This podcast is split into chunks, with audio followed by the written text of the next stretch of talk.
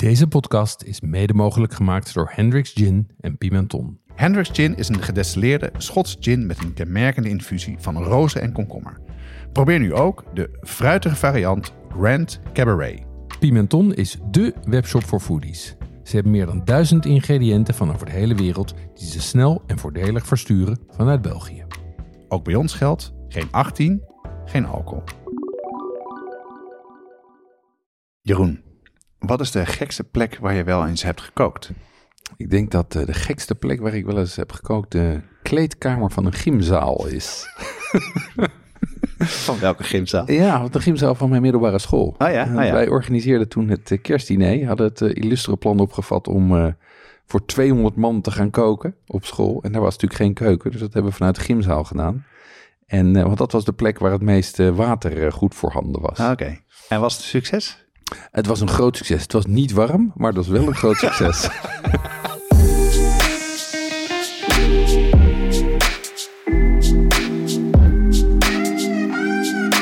Watschaf de podcast gaat over lekker eten en drinken, zelf koken en buiten de deur eten. Het is voor iedereen, van het beginnende tot de ervaren thuiskok. Deze aflevering gaat over keukenontwerp. En dat was een onderwerp waar eh, jij, Jeroen, het graag over wilde hebben. En leg uit waarom. Ja, ik, ik wil het daar graag over hebben, omdat het een, een heel erg eh, eh, onderschat onderdeel is, denk ik, van, eh, van zelf koken. Ehm, maar in een slim ontworpen keuken eh, kook je sneller, beter en met meer plezier.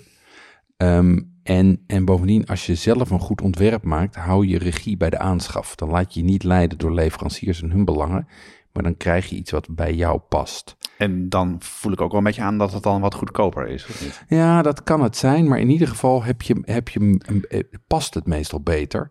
Ehm, ook omdat vooral voor keukenleveranciers, hobbykoks, die zijn, daar zijn ze vaak niet op ingericht. Ja, ja, dat die, ja. we- Hobbykoks hebben toch vaak specifieke wensen en eisen die keukenleveranciers niet helemaal kunnen begrijpen. De, de slechte, eh, de goede niet te nagesproken, maar vaak zijn toch je wensen en eisen en gebruikspatronen zo afwijkend dat je echt meer van de regie zelf in handen moet nemen. En hoe, hoe gaan we het dan aanpakken? Hoe kan je dan voor een hobbykok de juiste eh, keuken selecteren en bedenken? Ja, wat ik eigenlijk wil doen is even door dat proces heen gaan. Ehm, en, en dat begint met hoe je je wensen formuleert. Dat begint met het, onder, het goed onder woorden brengen van wat jij nodig hebt in je keuken. Ehm, dan eh, wil ik het even hebben over hoe je kan denken in zones en de driehoek. Ik ben heel benieuwd. Ja, ja. Ehm, we, dan pas gaan we het hebben over apparatuur. Ah, en tenslotte over materiaalkeuze. En wat bedoel je met materiaalkeuze dan? Materiaalkeuze is voor, nou ja, wat voor werkblad je neemt, wat voor soorten kastjes je neemt, Ah ja, eh, de, zeg maar de, de, de materialisatie. Nou, ik ben benieuwd. Ik zie al een, eh, een fles klaarstaan, eh, Jonas. Zeker Ehm, weten. wij, inmiddels doen wij om en om een drankje. En jij hebt iets meegenomen. Het is een grote fles. Er staan twee bierglazen naast. Ik ben heel benieuwd wat jij eh, hebt meegenomen. Ik zal hem eerst even openmaken. En inschenken. Jonas heeft een eh, grote fles, eh, formaat wijnfles, maar het is duidelijk bier. Doet me een beetje denken aan de ginger ale fle- de ginger beer flessen van Ventimans, zeg maar. Zo'n zo'n bruine fles met een, met een hobbeltje in de rand. En daar schenkt hij nu twee glazen uit in. Ehm, en daar komt een, een, een amberkleurig, eh, licht troebel bier uit. Ja, ik heb het nog niet gedronken, maar... ehm, ehm, Wat is het? Het is, wat we gaan drinken is het, het beste speciaal bier ehm, van 2020. Ja. Eh, gewonnen, hebben goud gewonnen op de Brussels Beer Challenge. En eh, we drinken eh Gelders Graangeluk uit Wageningen. En dat is gemaakt door een stadsbrouwerij in Wageningen. En samen met een oud journalist, Marcel van Silfhout, die een heel sympathiek project gestart is eh, in de buurt van Wageningen. Mhm. Om namelijk zelf zijn graan te gaan verbouwen, maar op een hele oude manier die beter voor de natuur is. En een van de dingen die ze maken eh, zijn broden, maar ook het bier. Dus, ehm, en het is een dubbel graanbier. Het is van twee granen gemaakt, zomergerst. En dat is het leuke, wat ze dan een zeldzame Velus kruiprogge. En dat hebben ze uit een zadenbank gehaald. Oh, wat cool. En ehm, ja, het is helemaal ecologisch. ehm, met boeren samengewerkt. Eh, de schapen gaan er overheen. En dus ook kan je dus fantastisch bier mee maken. Dus ik ben heel benieuwd. Ik ga, ik ga een slok. Ja, dat vind ik wel lekker. Ja, het is een, ehm, eh, wat ik proef, het is een, wat ik zei, de kleur is eh, licht troebel, amberkleurig. Ehm De geur is duidelijk, eh, zeg maar, die van een, een blond bier. Dus je, Ja, je, precies. je, je hebt, je hebt een duidelijke gist. eh, zowel een, je ruikt het gerst, je ruikt rogge en ehm, je ruikt ook de gist. En het heeft in de smaak, is het dan... Het is een beetje zo'n soort mix tussen, tussen een wat steviger biertje, dus een wat robuuste smaak, maar ook wat, wat frisser. Hè? Ja, het, he- en het heeft niet dat zoete wat veel blond heeft. Nee. Het, is, het do- doet mij het meest denken aan een, eh, aan een blondachtig eh, bier met een, eh, met, met een mooie bittere afdronk. Ehm, niet te sterk schuimend. Ehm, Het heeft En, eh, eh, lekker. ongeveer, is het, eh 6,2 procent of zoiets, wat erop staat. Ja. Nou, dat is echt voor de mensen die, het is echt een ontzettend leuk initiatief. Het werd, werd me getipt door, door een, een vriendin van mij, Ja. die helpt ze met, met, wat bekender worden. ja, En toen vroeg ik van, nou wat leuk, dan wil ik er aandacht gaan besteden in de, in de podcast. En zei ze, ja, ik weet niet of het lukt, want het is allemaal op. het is allemaal op. Ja, dus ze hebben die prijs gewonnen en ze hebben ze onwijs veel eh aanvragen gekregen. Ja, En, ehm, maar als je naar ehm, de, de site gaat, eh, graangeluk.nl, mhm. en daar zie je een heel verhaal over de hele filosofie erachter, eh, de graanvelden. Een supergoed filmpje over waar dat wordt uitgelegd. En ook dus eh, brood maken ze mee. Dus ik heb nog wel met haar overleg gehad. En dan kijken we even of we dat verder een keer kunnen doen. Is, ze hebben natuurlijk ook een mail gemaakt. ja, Alleen er staat een hele grote industriële zakken. Dus die kon ons niet echt makkelijk voor ons meenemen. Maar misschien als luisteraars het interessant vinden. Dan kunnen we eens kijken of we daar eh nou, mail van graangeluk kunnen doen. Het is echt, en wat hij dus ook zegt is dat alle tarwe die we eigenlijk eh, gebruiken in Nederland, Mhm. komt uit het buitenland. ja. Het is allemaal industrieel. En als je echt in verdiept in die wereld, dan is het best wel schokkend eigenlijk. En eh, zij proberen dit. Het is nu een succes geweest. Het is ook een crowdfunding project. Dus je kan het bier ook nog eh, online kopen. Of, en dat eh, leek ons leuk, want we hebben namelijk twee flessen gekregen. Eentje drinken wij nu op. En de andere willen we graag aan de luisteraar geven. Dus eh, ga naar de website. Vul het formulier in. Laat weten dat je het wil winnen. En dan kiezen we at random kiezen we een winnaar. ja. Wel voor de mensen die zich ook aanmelden voor de nieuwsbrief. Dat hoort erbij, ja. Dat hoort erbij. Goed. Ehm, Jonas, terwijl wij nog even van dat biertje drinken, wat, wat heb jij meegemaakt afgelopen weken? Ja, wat ik gedaan heb, is ehm, ik heb natuurlijk, Jeroen, eh een kippetjes gebraden in mijn kippenovertje. Mhm. Ja, voor de mensen die dat eh, misschien niet weten. eh, ik heb van Jeroen een mooie oven gehad. Daar hebben we een hele aflevering over gemaakt. En nou, wat, wij zijn met z'n drieën. Een hele kip is altijd net te veel bij ons. Mhm. Dus wat ik gedaan heb met wat er over was, heb ik een bouillon van getrokken. Ja, En heb ik eh soto ayam gemaakt. Een Indonesische, nou, is het een maaltijdsoep? kippensoep? Ja, Ja. maar, ja, ja, ja. Een soort kippensoep. Mhm. Ehm, dat was nog, nog niet makkelijk, moet ik zeggen. Oké. Eh, het, recept is vrij simpel. Ja. Eh, je moet dus een soort van boemboe maken eh, met ehm, eh, geen gember, maar een ander soort. Laos? Ja, dat Ja. heb ik nodig. Dus ietsje zuurder is dat. Mhm. Ehm, veel kurkuma gaat er doorheen. Maar ik denk dat ik de verhouding eerst verkeerd had. Dus ik heb echt, het was super intens in de eerste keer. Oké. Maar toen heb ik het eh, aangelengd en nu eh, ingevroren in de, in de vriezer. En eh, dat is goed voor een volgende keer. Dus dat was echt voor herhaling vatbaar. Leuk. En verder ehm, luister ik nu naar een aflevering van mijn, een van mijn favoriete podcasts, namelijk Reply All. Ja. Het is een podcast die gaat over het algemeen over internetcultuur.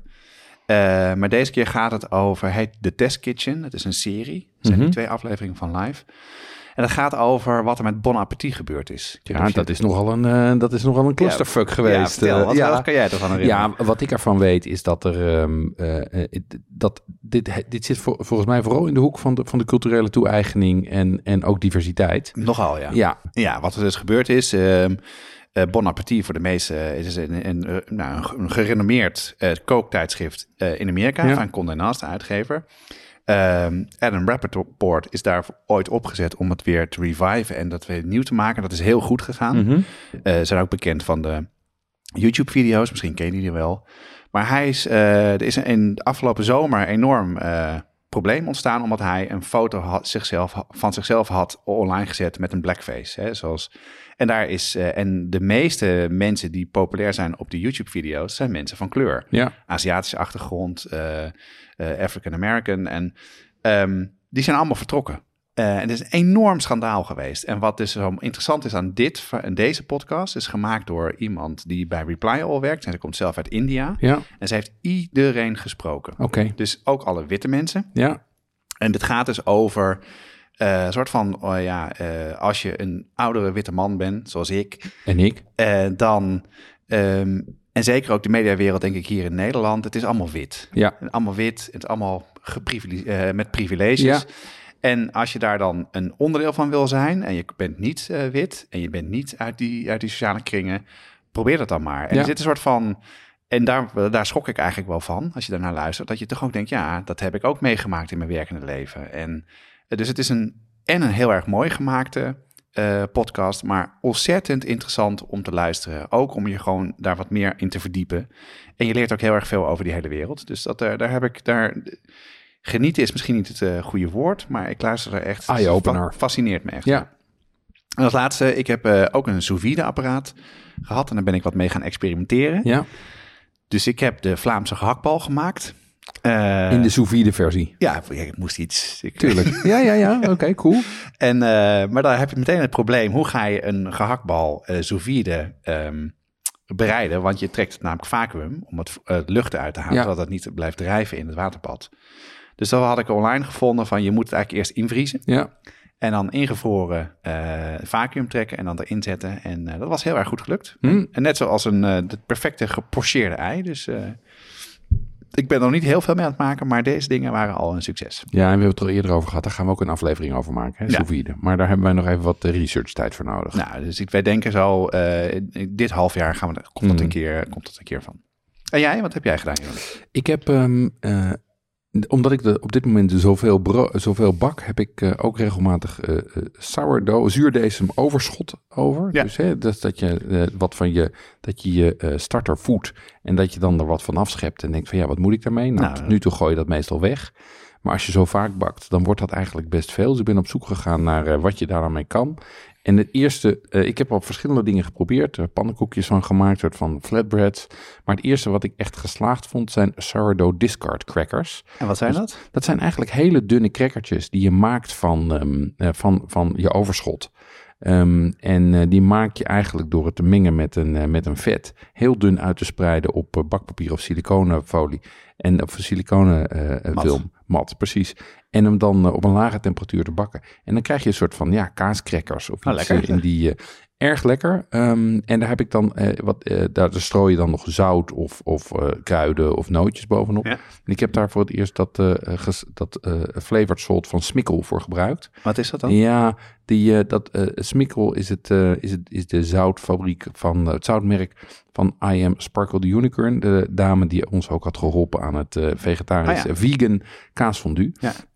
Ehm, en dit was ook de eerste keer dat ik een goede toepassing vond voor dat eh flavored salt. Want ik worstel altijd een beetje wat ik daarmee moet. Ja. Maar hier gaat dat perfect op. Want dan strooi je dat op die crackers en dan ligt dat er mooi bovenop. En dan geeft het een eh, smaakcomplexiteit. Dus dat vond ik een groot succes. Dus jouw, jouw zuurdesem starter is nu veel groter geworden. Dat je genoeg Ja, overhoudt ik, om... ik, eh, ik betrap mijzelf erop dat ik, laat ik zeggen, bijvoed ja, om, om extra discard te hebben. Ja, want die crackers zijn echt, zijn echt ja, buiten. leuk, daar ga ik ook over nadenken. Want ik heb hetzelfde. Ik gooi het vaak weg en ja. denk ik, ja, daar moet toch meer mee kunnen. ja, ik heb dus gewoon een potje in de koelkast staan, dan gooi ik het gewoon bij. En als die vol zit, dan bak ik er crackers van. Nou, slim. Ja. Ja, dat is echt heel slim. Ja, dus dat bevalt me heel goed.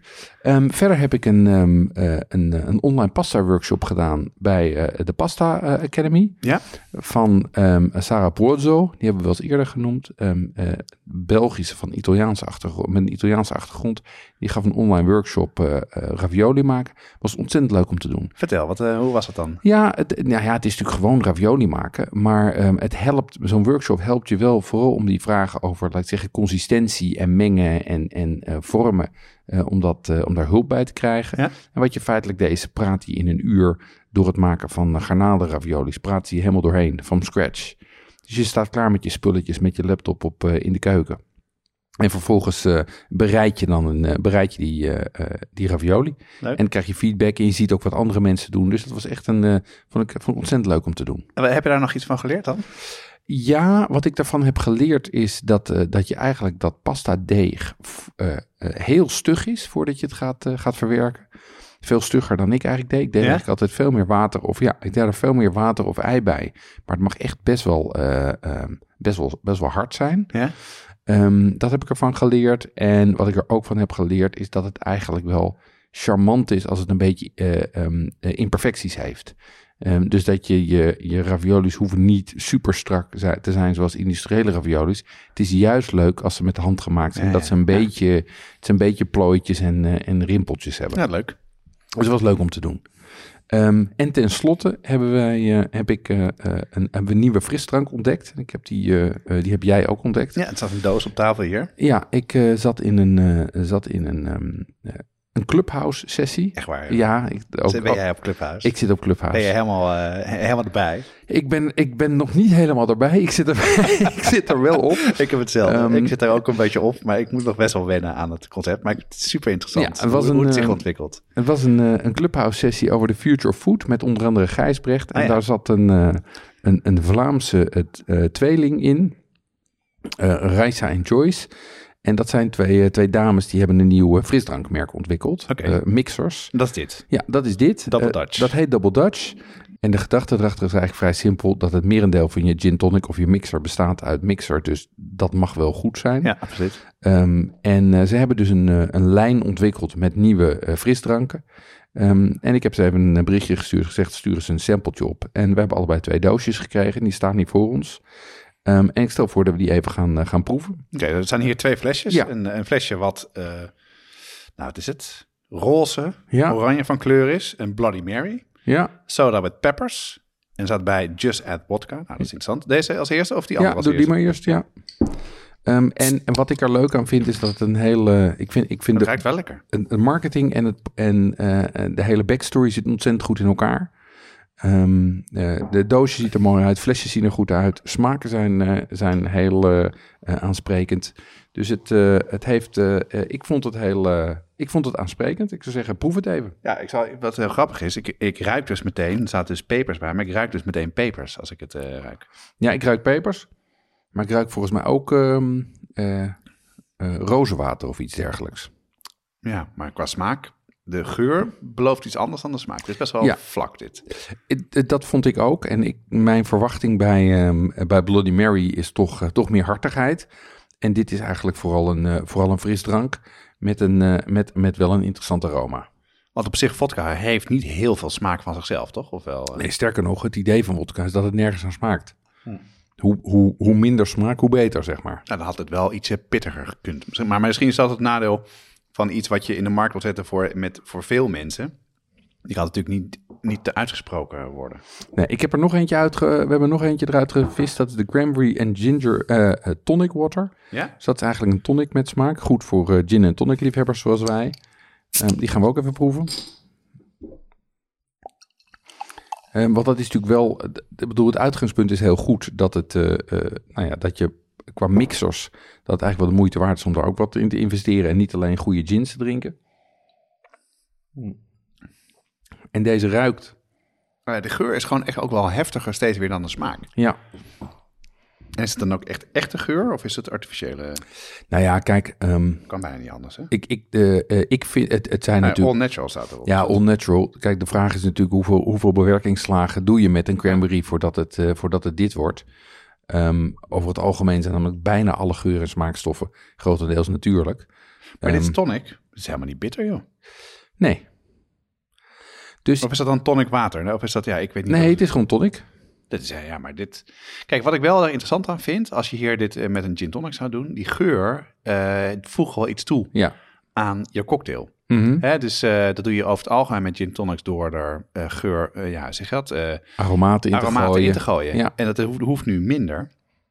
Maar hij mag wel wat bitterder van mij als, als tonic. Nou, ik, ik moet zeggen dat ik over de smaken licht teleurgesteld was. Ik vind het, ik vind het, hele, ehm, het hele product, laat ik zeggen hoe het wordt neergezet, vind ik echt mooi. En, en het verhaal erachter is leuk en de, de flessen zijn mooi. Ehm, maar als ik ze proef, kon ik, had ik toch een lichte teleurstelling. Het is voor mij allemaal net niet heftig genoeg. Nee.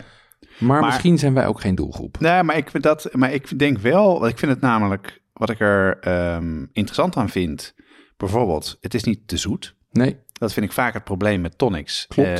gin tonic. En vaak ook, ook omdat er dan aspartaan of zoetstoffen in zitten. Ja, ik wil gewoon liever geen aspartaan of dat soort dingen, ellende eh, drinken. Stevia. Maar je had, iets, je had op, iets meer gehoopt. Ja, ik had, ik had gehoopt dat het iets, eh, dat het iets uitgesprokener en iets ruiger zou zijn. Ik denk dat het commercieel heel slim is wat ze doen. Ja. Ehm, ik denk dat dit heel goed past bij, eh, bij mensen die net iets anders willen drinken. Ook omdat het, laat ik zeggen, als je het zonder eh, alcohol ermee drinkt, dan heb je natuurlijk een, heb je een alcoholische, net iets minder zoete, net iets andere variant dan frisdrank. Hoef je niet de hele avond bitter lemon of cassis te drinken. Ehm, terwijl als je er, als je er eh, alcohol bij gooit, dat kan tequila zijn, of dat kan eh vodka zijn, of dat kan rum zijn, er staan ook tips op. Dan zit je natuurlijk eigenlijk op de lijn van de hard seltzers, wat ook een, eh, wat ook een grote trend is op dit moment, de hard lemonades. Jonas, we hebben een aflevering gemaakt over hot sauces. Dat deden we samen met de mannen achter Heat Supply. Deze hot sauce bazen hebben zelf ook een serie sausen uitgebracht. Rijmakers, heetmakers genaamd. Ja, en dat zijn sauzen die niet alleen maar focussen op hitte, maar ook op smaak. En dat is voor ons een kenmerk voor een goede saus. Ze lopen op in pittigheid, eh, van de milde immune booster tot aan de brain buzzer die behoorlijk heet is. En eh, wat ik er zo leuk aan vind is dat het een echt Nederlands product is en dat het prachtige flesjes of doosjes zijn. Nou ja, een flesje die uit een doosje steekt. Eh, heel mooi en leuk als cadeau. Je vindt rijmakers heetmakers op heatsupply.nl of vraag ernaar bij je delicatessenzaak. Nou, dan het eh, hoofdonderwerp, keukenontwerp. Eh, daar heb jij heel erg veel mee, Jeroen. Daar wilde je het, eh, heb je het vaak ook, hebben wij het ook over gehad. En dat komt ook omdat er veel mensen dingen aan jou vragen. Hè? Wat Ja. heb jij met keukenontwerp? Nou, dat is eigenlijk begonnen toen ik, toen ik een jaar of twintig geleden voor het eerst mijn keuken verbouwde. Toen hadden wij nog een huurwoning en toen daar begon mijn keuken begon echt te wringen. Ehm, en toen heb ik me erin verdiept. Ehm, en daarna ben ik, heb ik tien jaar geleden heb ik het voorrecht gehad om zelf een huis te bouwen. En eigenlijk heb ik toen gewoon mijn hele huis om mijn keuken heen gebouwd. dat is echt zo. ja, het is echt zo. Die keuken die was gewoon, daar was een... Die, dat, die, Dat is ook die- jouw plek volgens mij, waar je altijd staat. Hè? het is ook mijn plek. Ja. En ehm, eh, ik denk dat ik, daar, eh, dat ik daar, als ik thuis ben, makkelijk eh, 30 tot 40 procent van mijn tijd daar doorbreng. Ehm, en daardoor heb ik dat veel mensen vragen mij om advies. Ja. Ik heb regelmatig dat mensen ofwel een nieuw huis bouwen of een nieuwe keuken krijgen of gaan verbouwen en mijn vragen daarover stellen. En bovendien, laat ik zeggen, past het ook bij mij, omdat het, omdat het als je het goed doet, is het een vrij conceptuele exercitie en daar hou ik van. Dat vind ik gewoon leuk. Ja. ja. En jij, heb jij iets met keukenontwerp? Ehm, nou, ik heb er eh, zeker wat mee. Eh, maar ik moet wel zeggen dat het dus nu de laatste tijd pas echt aan het komen is. Ik, Mhm. eh, ik woon nu in een huis en daar stond een gloednieuwe keuken in. Die hebben we groter gemaakt. Ja. Ehm, en dat, val, ja, dat bevalt heel goed. Dus denk ik een heel groot onderdeel van onze woonkamer. Ehm, maar we hebben ook wel plannen om het aan te, aan te pakken en eh, te verbouwen. Dus Mhm. eh, eigenlijk ben ik er, zijn we er al wel stiekem zo een tijdje mee bezig. Dus ik ben, daarom vind ik het ook heel leuk dat we het over hebben. Want dat gaat mij ook wel echt helpen in, in dat denken. Maar vertel, hoe pak je het aan? Nou, kijk, het, be- het begint met het onder woorden brengen van je wensen. Ehm, en dat klinkt, eh, dat klinkt simpeler dan het is. Ehm, maar je moet een goed duidelijk beeld hebben van wat je wil met die keuken. Ehm, je moet weten wat de ruimte is die je hebt en wat je budget hebt. eh, Ja. wat je budget is. Dat moet je ook echt voorstellen, eh, vaststellen. En vervolgens krijg je keuzes over wat je zelf gaat doen en wat je uitbesteedt. Ja.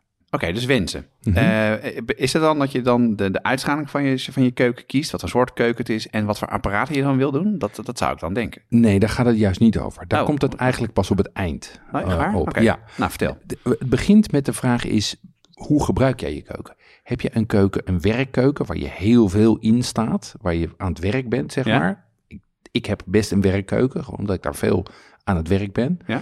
Ehm, of is het een eetkeuken, een keuken waar je vooral wil dat mensen komen zitten en eten? Of is het echt een woonkeuken waar iedereen de hele dag zit? Nou, zoals ik heb, ja. Ja, da- dat zijn volstrekt andere keukens. Ja. Ehm, vervolgens ook de vraag, hoe kook je eigenlijk?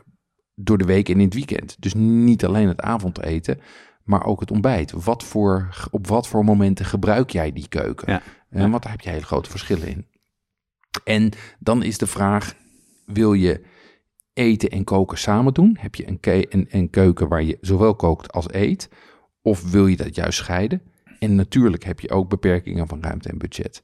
En dat zijn de dingen die je eigenlijk in eerste instantie op een rijtje moet gaan zetten. Oké, nou, ik denk dat het goed is om heel even te gaan naar eh, wat jij gedaan hebt. Ja. Ehm, omdat dat denk ik goed helpt om... want Er zijn een aantal dingen, begrijp ik heel goed. Maar een aantal dingen ben ik wel benieuwd wat je er precies mee bedoelt. Dus Mhm. vertel eerst even wat voor keuzes je zelf hebt gemaakt. Nou, kijk, Wij, ik wilde een keuken die efficiënt door de week was. We hebben een druk huishouden. We zijn thuis met z'n. we- Ik, ik, mijn vrouw en ik hebben drie kinderen, pubers. Ehm, we zijn allebei aan het werk. De kinderen gaan naar school. Dus we willen een keuken hebben waar je door de week efficiënt terecht kan. Tegelijkertijd houden we van, van eh, eh, feestjes geven en koken. En ik wilde dus grote groepen kunnen ontvangen. In mijn keuken kan ik comfortabel voor 12 man koken. Dat stelt wel eisen aan je Ja, keuken. zeker weten. Dus dat is een belangrijk uitgangspunt. Ja. Verder vind ik het belangrijk om enerzijds samen te kunnen koken. Dus dat we met meer mensen in de keuken kunnen koken. Ehm, maar ik wil ook, als ik aan het koken ben, wil ik contact hebben met eters. Want als, ik een, als wij een feestje geven, wil ik niet die man zijn die af en toe uit de keuken komt met, met die schalen. Herkenbaar, maar, ja. ja, En, maar wil ik eigenlijk continu contact hebben met de mensen daar. Dus ik wilde een open keuken. En ik wilde ook een keuken waarin is, als ik aan het werk ben, als ik dingen aan het neerzetten ben, ik gericht ben op de gasten. Dus naar de gasten, naar ja. de eettafel Ja. kijk. Ja, mij kijken ze vaak naar mijn rug. Ja, precies. Dat wilde. En wat ik verder wilde is een stevige keuken. Want nou ja, ik heb, eh, we hebben drie kinderen en we zijn zelf ook niet heel fijn, eh, fijn besnaard. dus het moet gewoon, ja, het moet tegen een steutje kunnen. Ehm, en hij, ik wilde een moderne keuken, want ik heb een modern huis. Dus Ja. moet ik niet met rustieke, eh rust, moet ik, moet, daar, ik, ik had geen AGA-fornuis moeten, eh, moeten neerzetten. Ehm, en, ehm, eh, en ik wilde een rustige uitstraling, want omdat die in de woonkamer staat, moet het ook, laat ik zeggen, optisch rustig zijn. Ja, dat is mijn probleem wel hoor. Want eh, bij ons zat hij in de woonkamer. En zeker als we eters hebben, dan stapelt zich alles op. Ja. En dan doe ik meestal het licht in de keuken uit, dat je het minder ziet. Ja. Maar ja, als je geen zin hebt om meteen op te ruimen, dan kom je 's ochtends in je woonkamer en dan wil je eigenlijk weg daar. Want Ja. het is gewoon te veel troep. ja. Hey, maar ik heb best wel vaak in jouw keuken gestaan en ik Ja. herken heel erg wat jij zegt. Eh, dus ik ken hem een beetje, maar ik denk de luisteraar niet. Dus misschien leuk om heel even heel kort op een soort hoofdlijn te schetsen eh, hoe je keuken eruit ziet. Mhm. Ik heb een, ik heb een L-vormige keuken. Ehm, en dat, is een, dat betekent dat hij dus in een hoek staat. Oké. Ehm, en daarbij is zeg maar de korte kant van de L, eh, Ja. die, is, die is gericht op, eh, op de eetkamertafel. Ja, daar staat dus, daar, Ehm. daar, daarnaast staat de tafel. En het is dan ook de woonkamer, Ja, toch? precies. Ja. En eigenlijk is, die, is dat uitsteekstuk, dat is, het belangrijkste, dat is de belangrijkste plek. Want aan de ene kant is dat waar mijn voorbereidingsruimte is. Ja. Dus daar sta, heb ik de wasbak en daar sta ik ook te snijden. Ja. En tegelijkertijd heb ik daar gekozen voor een extra diep eh, aanrechtblad. Zodat ik daar bijna op horeca-achtige wijze, eigenlijk heb ik een pas. Ja, ja, ja, In de ja. horeca heb je Ja. dat een, iets wordt bereid in de keuken en vervolgens zet je het op de pas. Ja. Ik zet bij mij de gerechten ook op de pas. Ja. En En dan vervolgens schreeuwen tegen iedereen. tegen iedereen te schreeuwen. Ah, ja, precies. ik heb zo'n belletje, straks zo ding, ding, ding, ding, ding, ding. Ja. Ehm, maar ik, sta, ik zet de dingen daarop en, en, ehm, eh, en soms heb ik daar ook een buffet staan. Als, we, Ja, als, ik, als, ik, als ik 20 of 30 man heb staan, heb ik daar een buffet staan. Dus mijn keuken is heel erg, ehm, eh, wat dat betreft, bijna een horecakeuken. Ik heb er dus ook voor gekozen om een helemaal RVS-blad te nemen, Ja, ehm, waarin alles is ingevreesd en is, is in verzonken zit.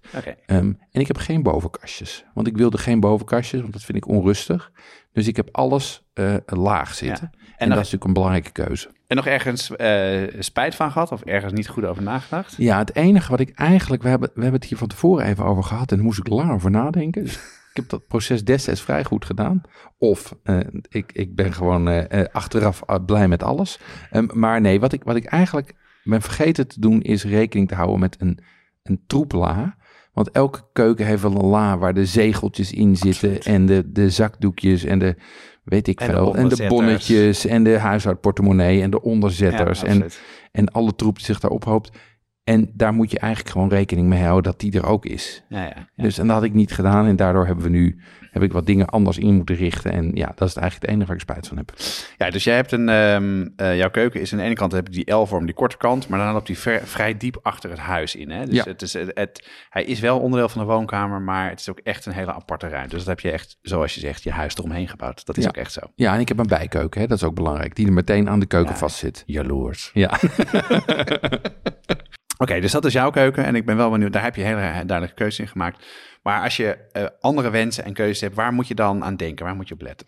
Nou, er zijn, oh, even, er zijn natuurlijk heel veel verschillende keukens. Maar ik zal een paar andere types keukens noemen. Laat ik zeggen, combinaties van wensen. Wat natuurlijk belangrijk is, zeg maar een opwarmkeuken. Je hebt eh, zeker singles of, eh, eh, of mensen zonder kinderen, of mensen die bijvoorbeeld in New York wonen, die hebben een keuken waar ze eigenlijk bijna niet koken. Ja. Waar je af en toe wat opwarmt, waar je af en toe de, de take-out eh, uithaalt, waar je soms eens een eitje bakt.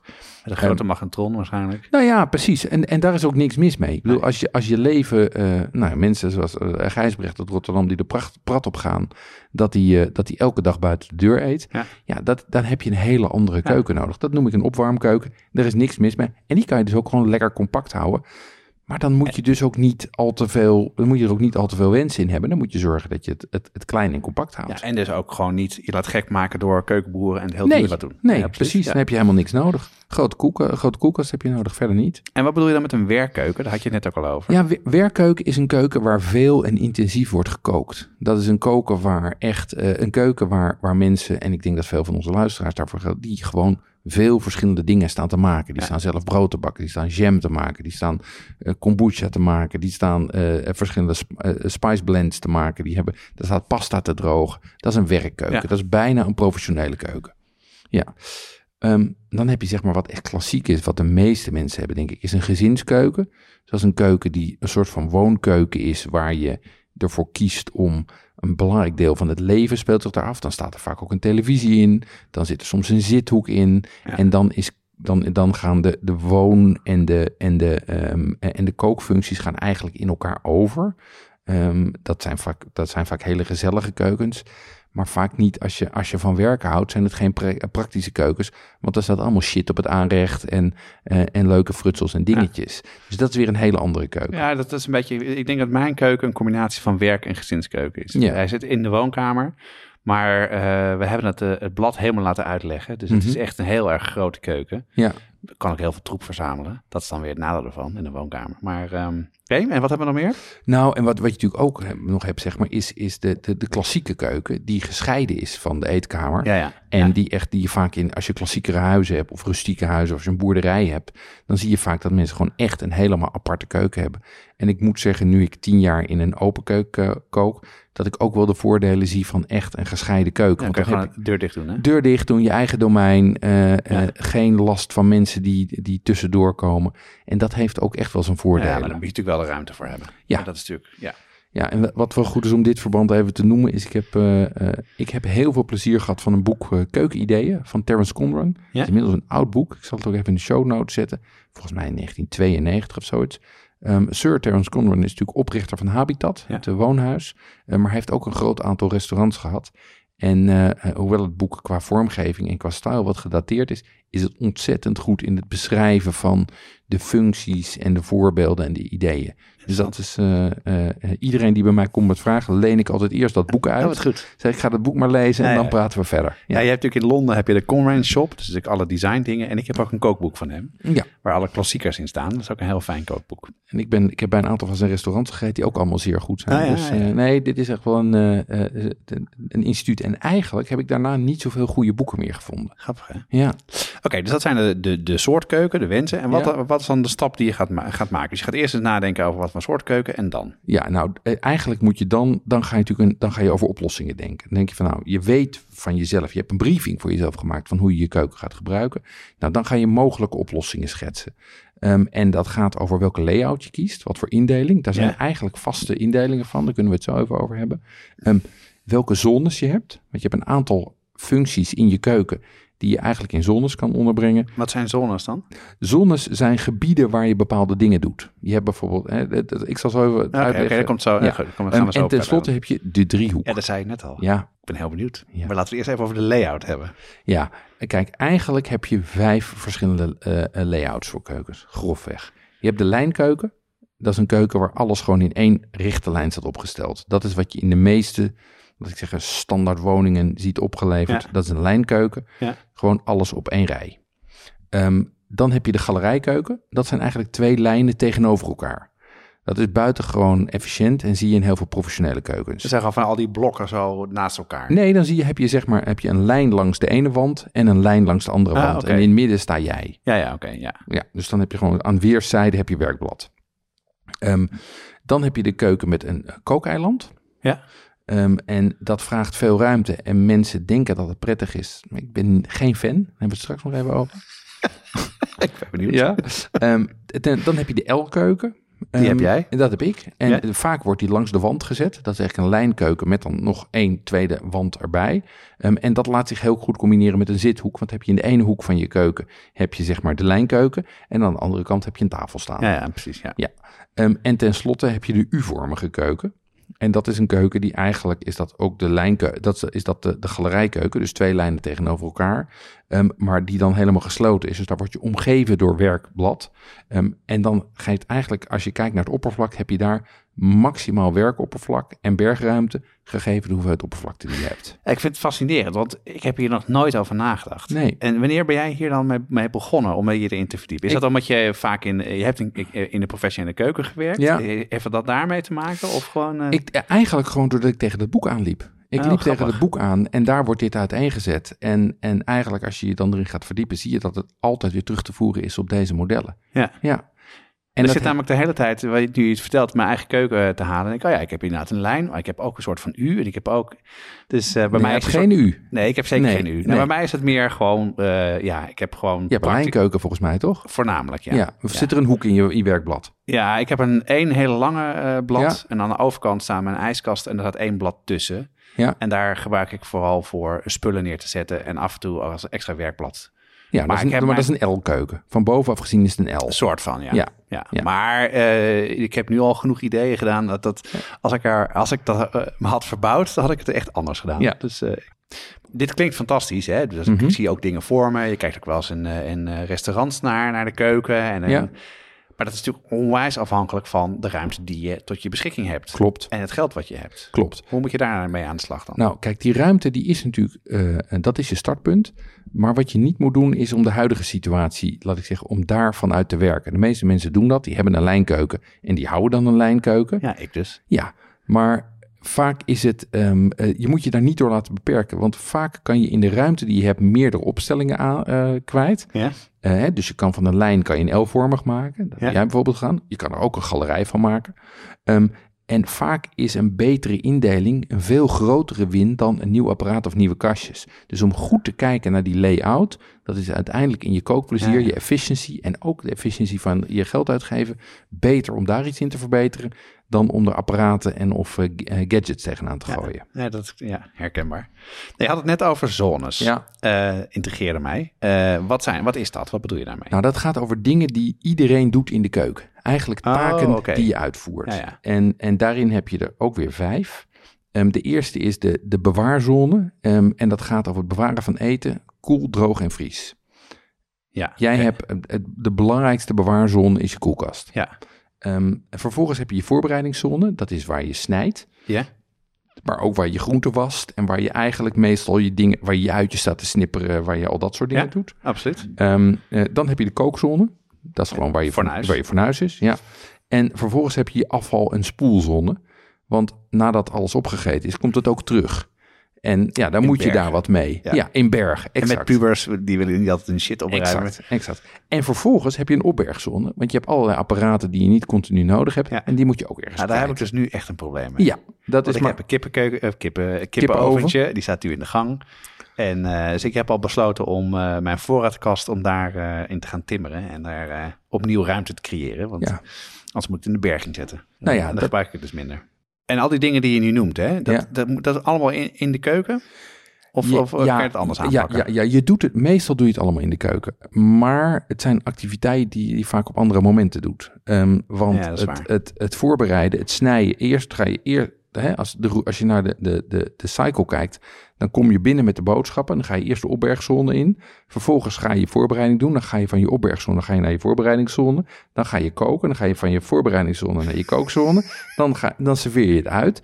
Dan komt het terug en dan gaat alles in de afval- en de spoelzone. Dus je gaat wel een soort van cyclus door. Ja, maar weet je Jeroen, dit ik dan wel echt eh, interessant, want het klinkt enorm eh, nerdy Mhm. eh, en enorm, zeg je dat, procesmatig. Ja, Ehm, Maar dat is het niet, toch? Het is echt, want, want, je hebt, want eh, jij hebt dat nu een keuken waar dat niet is. Ja. Eh, Kan je wat voorbeelden noemen wat als je dat verkeerd aanpakt, waar Ja. je dat tegenaan loopt? Nou ja, kijk, wat je dan, krijgt, dan krijg je problemen als je elkaar in de weg gaat lopen. Dan krijg je dat iemand bezig is de afwasmachine in te ruimen en jij daardoor niet verder kan met het snijden van Ja. gerechten. Herkenbaar. Ehm, dan krijg je dat je ehm, eh, bijvoorbeeld, als je de afwasmachine leeghaalt, dat je dwars door de keuken moet lopen om alles op te ruimen. Ja. En dat de afwasmachine leeghalen dus vooral een, een oefening in lang lopen is.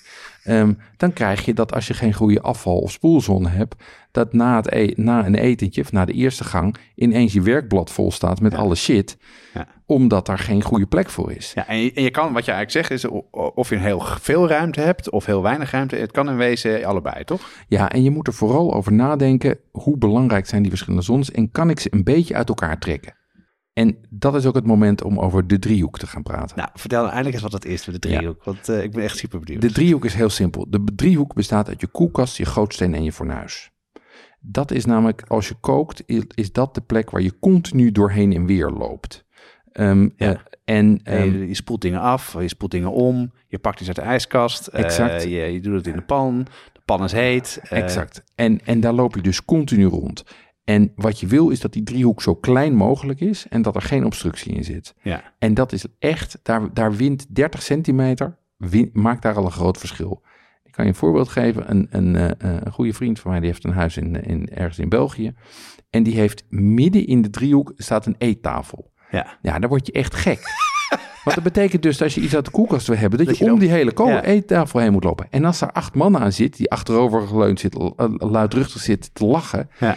dan, dan zit het je ontzettend in de weg. Ja. Dus je moet die driehoek gewoon uittekenen en zorgen dat die zo klein mogelijk is. Bij mij, ik heb een, ik heb een grote keuken. Mijn, mijn langste eh, eh, um, werkblad meet bijna 6 meter.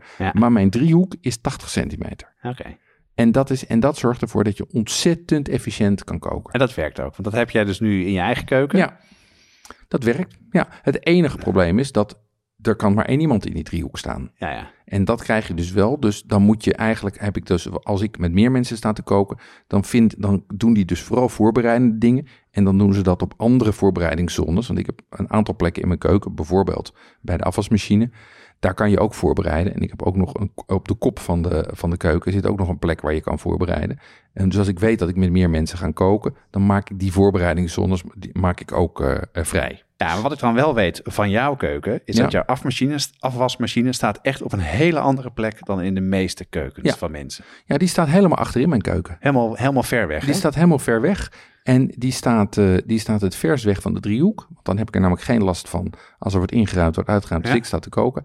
En die staat tegenover de servieskast. Ja, precies, waar je Dus- alles opruimt. meteen. Ja, en de meeste mensen zetten hem natuurlijk zeg maar vlakbij de, ehm vlakbij de gootsteen. Naast de gootsteen. Naast de gootsteen, ja, om, want dan kan je afspoelen en meteen erin. Maar ja, als dat dan in je driehoek staat, is dat heel vervelend. En wat je dan, eh, eh, dat heeft vaak ook te maken met gewoon efficiëntie van aansluitingen.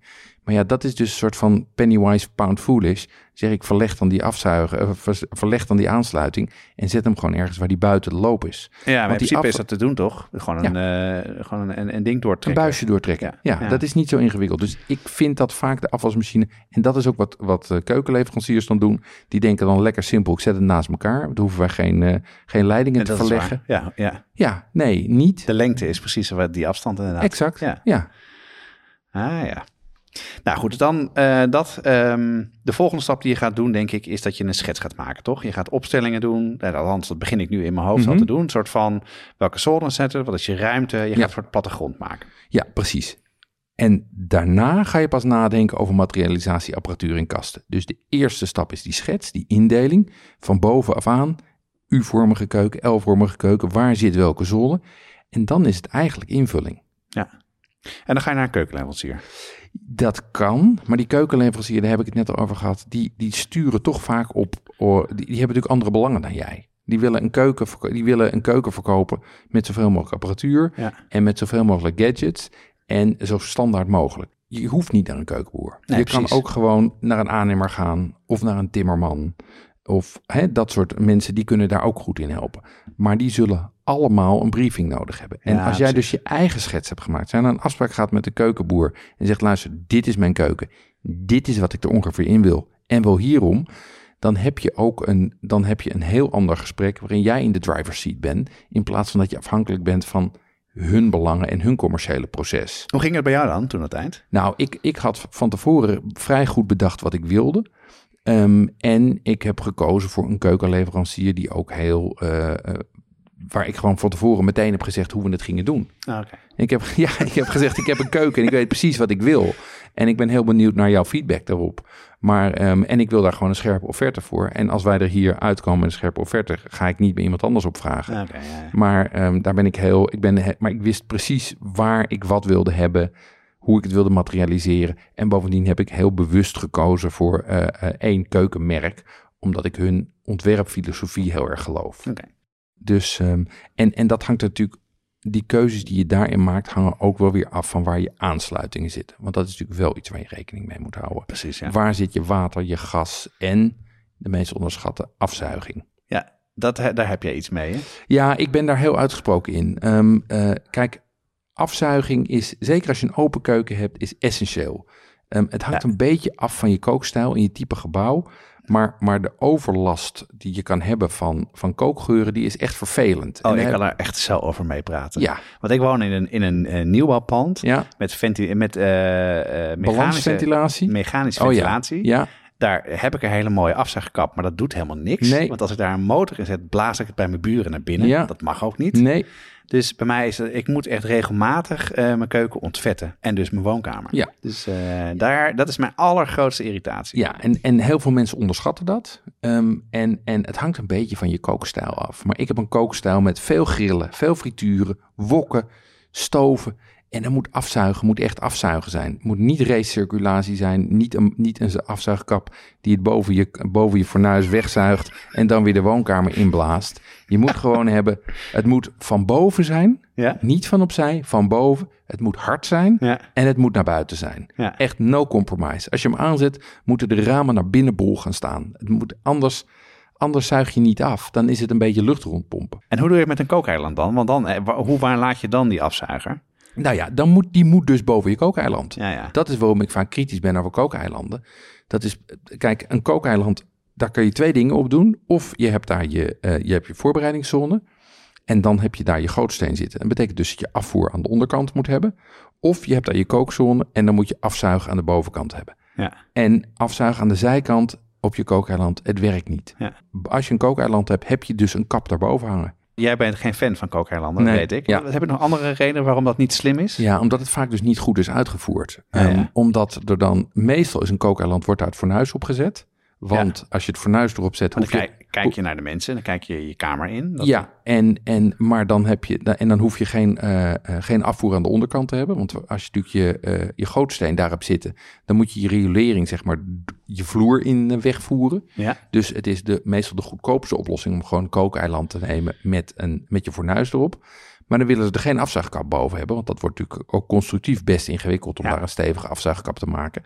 En bovendien moet je dan ergens heen met die lucht die je daar creëert. Ja. Dus wat je ziet is dat er dan wel een fornuis op wordt gezet, maar geen goede afzuiging erbij. En vervolgens zie ik vaak dat zo'n, dat zo'n kookeiland dan eigenlijk verwordt tot een soort van hangruimte en aflegplek voor rotzooi. Want echt er lekker aan zitten kan niet, vanwege de hoogte en eh, toch lastig om dan een soort krukje te Ja, vinden. je moet echt wel... Of je, moet zit met je, benen knieën eronder. Ja, absoluut. precies. Ja. Ehm, of het wordt dus een soort van, soort van eh, plek waar alleen maar de fruitschaal staat. Ja. ja, en dan vind ik het gewoon dat hij heel veel ruimte inneemt en eigenlijk niet zoveel toevoegt. Grappig.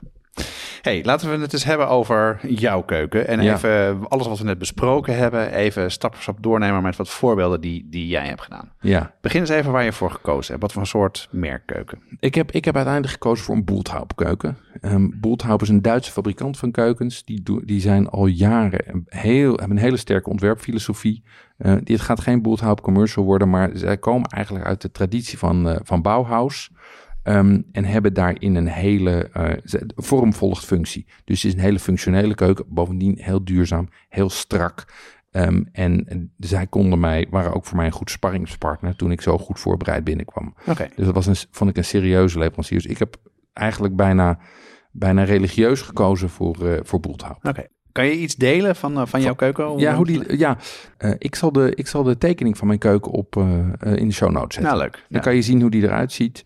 Ehm, en, ehm, maar ik zou het eigenlijk eerst even willen hebben over, over werkblad. Ehm, wat, voor, wat voor werkblad heb je om op te werken? De grote uitdaging daarin is eigenlijk iets dat ook heel functioneel is. Waarvan je ervoor zorgt dat het alles wat je op dat werkblad doet aan kan. En ik ben bij RVS uitgekomen omdat alle vormen van natuursteen of kunststoffen ehm, eigenlijk te kwetsbaar zijn. Natuursteen, eh, eh, als, je met, eh, als je er tomatensaus op knoeit, heb je een rode vlek. Als je er azijn op knoeit en je wit, laat het 20 minuten li- liggen, dan bijt het uit. Ja. Ehm, eh, dus het kan voor de uitstraling wel mooi zijn, maar uiteindelijk vind ik gewoon een ehm, RVS het best. Ja. Bovendien heb je dan dat je gootsteen daarin verwerkt kan worden. En wat ik heb laten doen, is ik heb een enkele gootsteen gekozen. Ja? Maar ik heb daarnaast een eh 5 centimeter verdiept eh, vlak laten maken. Wat eigenlijk, wat eigenlijk naadloos overloopt in mijn, eh, in mijn gootsteen. En daardoor heb ik een, als ik met natte dingen op mijn snijplank werk, als ik een natte vis heb, Ja. dan loopt dat allemaal de Ah, gootsteen ja, in. En, die, en je snijplak is daarin weggewerkt, hè? Ja, ik heb een snijplank. Die, ja, ja, precies. En dat is gewoon een IKEA-ding overigens. Oh, dat is gewoon een, een Ike- IKEA-plank die ze hebben en die ligt, daar, ligt daarin. En die kan ik onder mijn, eh, mijn eh, kraan schuiven. Nee. Als ik een vis sta schoon te maken, en die kan ik naar de andere kant schuiven. Dus dat werkt heel goed. En met zo'n RVS kan je ook een hete pan gewoon op het uh, Ja, staan. ik kan daar gewoon een hete pan op zetten. dat is mijn probleem, ja. Ik kan er hete pannen op zetten. Ik kan daar dingen op laten vallen. Ik kan er brood op maken. Ik vind RVS echt ideaal. En mensen zeggen, je ziet vingers. Ja, dat is ook zo. Maar ik ben niet zo... Mijn keuken is zo smerig dat ik... Dat, Nou, dat valt wel mee, Nee, maar... Weet je, ik, ziet er wel beter uit dan mijn keuken. ja, maar je, vingers. En dat is dan, dan koelkast en vriezer. Hè? Ja. Dus ik merk nu ook bijvoorbeeld, eh daar heb het ook in het weekmenu over gehad, ehm, dat mijn vriezer is altijd vol. Ja, En ik zou eigenlijk een veel grotere vriezer willen Ja. hebben dan nu. Hoe heb jij dat aangepakt? nou, ik heb, er, ik heb twee be- belangrijke keuzes gemaakt. Ik heb er één voor gekozen om mijn koelkast en mijn vriezer helemaal te scheiden. Dus ik heb geen koel-vries combinatie, maar ik heb een koelkast die is 1,80 hoog en Ja, die is helemaal koelkast. ja, dat wil ik ook. En de reden is dat het scheiden van die koelkast en vriezer, dat neemt ook weer ruimte in. Want dan zit Ja. er zo'n soort van scheidingspaneeltje in of wat dan ook. Dan moet hitte weg en zo. Dan moet hitte weg, dat neemt allemaal ruimte in. En bovendien, die vriezer heb je eigenlijk maar weinig nodig. Die vriezer namelijk, daar haal je heel af en toe wat uit.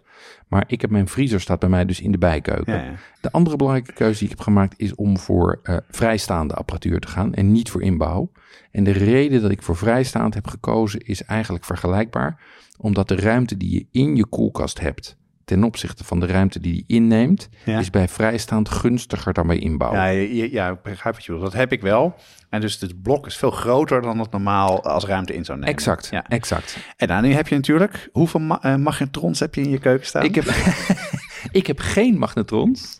Eh, ik Ja, heb, dat wist ik natuurlijk ja, wel. ja, maar- nee, ik heb, dat, ook dat was een belangrijke keuze. Ik heb wel twee ovens. ja, toch wel. Ja, ik heb een, eh, ik En heb, waarom dan? ik heb een gewone oven en ik heb een stoomoven. Ja. En ehm, eigenlijk is die stoomoven de vervanging voor de magnetron. Want alles wat Ja, jij ja. in de magnetron doet, kan ik in mijn stoomoven. Ja. Bijna alles. Het enige wat ik niet goed kan is chocola smelten in die stoomoven. Ja. Eigenlijk is het enige wat niet goed gaat dat. Ehm, maar opwarmen, warm houden. Die stoomoven, dat is, de, dat is voor mij zeg maar de verrassing. Daar heb ik me laten overtuigen door de, door de eh, keukenleverancier. Die zei dat is echt een goed ding. Ja. En qua fornuis, wat heb je dan? Heb je gas of inductie? Wat, eh, Ja, dat is een heel verhaal. Ehm, ik was altijd een gasman. dus we, zitten, we zijn nog maar tegen een uur aan Ja. bijna. Dus, eh, Ja, ik- dus ik, ik- zou ik- zeggen, hou het kort. Ik hou het kort. Ik was altijd van het gas. Ehm, Ja. En ehm, eh, ik heb ook heel erg gekeken. Alleen bij ons op Eiburg ligt geen gas. Ik heb serieus gekeken of ik niet op flessen kon gaan koken. Gasbun kon, eh, kon laten bouwen. Dat is zeg maar een soort van buitenkast. Ja, die, die ventileert. Waar je flessen in kan doen. Mijn vader bijvoorbeeld Ja, ook. En waar je op gassen, waar je op flessen kan koken.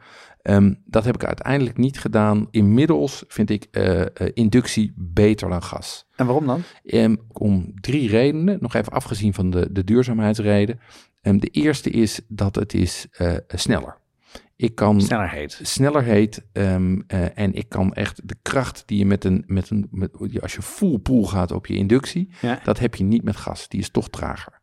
Vervolgens is je dynamische eh, range is groter. Ik kan Ja, Je kan, je kan preciezer zijn. Hè? ja, Dus je het, kan- is, het is preciezer en het is van heel erg zacht. ja, precies. Als ik op één zet, Ja. is hij echt, dan, dan kookt hij niet. Ja. Stoven erop gaat perfect. Ja. Brandt ook niet aan. Heb ik geen warmverdeelplak nodig. En als ik hem op max zet, gaat hij echt heel hard. En hij is preciezer. Want omdat je in stapjes van 10 geeft, kan je heel precies tikkie eraf, tikkie erbij.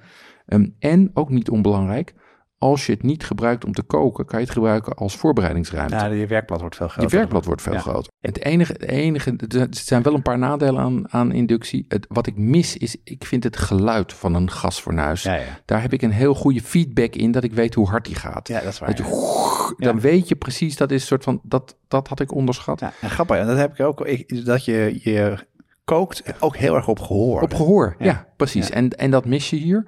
Ehm, wat bovendien een nadeel is, dat je natuurlijk allemaal nieuwe pannen nodig hebt. En het laatste is, ehm, je moet wel krachtstroom hebben. Want wil je echt die dynamische range kunnen gebruiken, wil je op al je pitten full kunnen gaan, Ja. dan moet je gewoon een driefase aansluiting hebben. Dus dat is qua infrastructuur, is dat nog wel even een dingetje. Ja, dat is dus wat je dan, als je in een, eh, in een huis woont, moet je dat dus apart laten aanleggen. Je moet gewoon drie groepen daarvoor vrij hebben. Ja, precies. Ja, dus dat is wel een ding. Ja. Ja. Hey, en wat is nou een ding in, de, in een keuken, eh, een tip, eh, wat niet kan ontbreken? En wat Ja, wat, ik, wat voor mij, eh, waar ik heel erg blij mee ben, is mijn koeker. Ja. Die kokend waterkraan. Ehm, eh, dat, is, dat is zowel het concept van een kokend waterkraan, want je, je realiseert je niet hoe vaak je kokend water gebruikt, maar of het voor pasta koken is, of voor eieren koken, of voor thee zetten, of voor tomaten ontvellen. Dus je gebruikt heel veel kokend water. Ehm, en die koeker is het, is, het scheelt gewoon heel veel tijd dat dat er meteen is. En daarbij ben ik echt een, een koeker het bedrijf fanboy. Ah ja, Ik heb nog nooit een, een leverancier van apparatuur gehad die zo servicegericht is en oplossingsgericht. Ja, ja. En dat ging echt. Ik, ik, heb er, ik, heb er al, ik heb een paar keer probleempjes gehad. En dan lossen ze dat meteen op, ook buiten de garantieperiode. Ze sturen spullen op, ze Ja. praten je doorheen hoe je het moet oplossen. Echt alles wat je, everything you've ever wanted. ja, dat is dus een van de dingen die door jou en andere vrienden die ook gezegd hebben, je moet gewoon een koeker kopen. Ja. De aanschafprijs is vrij hoog. Ja, Dus dat is echt wel een drempel om, om het te doen. Eh, maar dat is ook mijn tip aan iedereen. Ja. En iedereen die hem dan genomen, die hem heeft, dan vraag ik altijd, en bevalt het? Nou, iedereen is echt fantastisch, is het. Ja. Dus, eh, oké. Ehm, dan zijn we er wel, hè, toch? Ja, ehm, deze podcast wordt gemaakt door Jonas Nouwen en Jeroen Doucet. De online productie van show notes en de recepten door Corianne van Dodewaard Straathof. Reacties kun je sturen naar jeroen.watschaftepodcast.com of jonas.watschaftepodcast.com of stuur een DM via Instagram, Facebook op Twitter. Elke twee weken op donderdag staat er een nieuwe aflevering klaar. En eh, meld je ook voor de nieuwsbrief aan, want dan krijg je een seintje als die live staat. En ook meteen alle recepten erbij. Help ons door de podcast door te sturen naar één iemand die ook van lekker eten en drinken houdt. En laat een review achter op Apple Podcast. Hebben we nog leuke reacties gehad, Jonas? We hebben nou een leuke reactie, maar laten we hem gewoon even voorlezen. Dan kunnen jullie zelf beoordelen. Er titel heeft hij Zonde van je tijd. Eén ster. Verspil je tijd niet met het onnozel gebrabbel van deze omhooggevallen lui die zich graag decadent voor willen doen. Als je kwaliteit zoekt, zijn er meer dan genoeg creatieve fijnproevers met podcasts die verstand van zaken hebben en oprecht grappig zijn. Een gewaarschuwd mens telt voor twee. Sla deze arrogante boomers over. Ja, ik vind het heerlijk dat iemand zo boos wordt dat hij de moeite neemt om deze bozige reactie te plaatsen. Dan een eh, positieve reactie ter afsluiting. Ha, Jeroen en Jonas, wat een leuke podcast maken jullie zeg. Ingestapt op de zuurdesem afleveringen, maar vervolgens in de binge-modus geraakt, zoals dat gaat. Woon nu anderhalf jaar met mijn gezin in Jeruzalem voor mijn werk in Ramallah, Palestijnse gebieden. De beste falafel en hummus die ik hier heb gegeten was bij Abu Shukri in de oude stad van Jeruzalem. Je weet niet wat je proeft. Voor als de wereld ooit nog open gaat en jullie de kans krijgen deze gekke plek te bezoeken. Jullie waren me trouwens bijna kwijt door de opmerking dat Nablus in Israël ligt. Sorry. Hoe dan ook, veel dank voor de leuke luisturen en de inspiratie. Voor heel veel lockdown koken. Heel veel succes en plezier op jullie culinaire avonturen. En die kwam via Bernard via de Insta DM. Tot de volgende keer. Tot de volgende keer.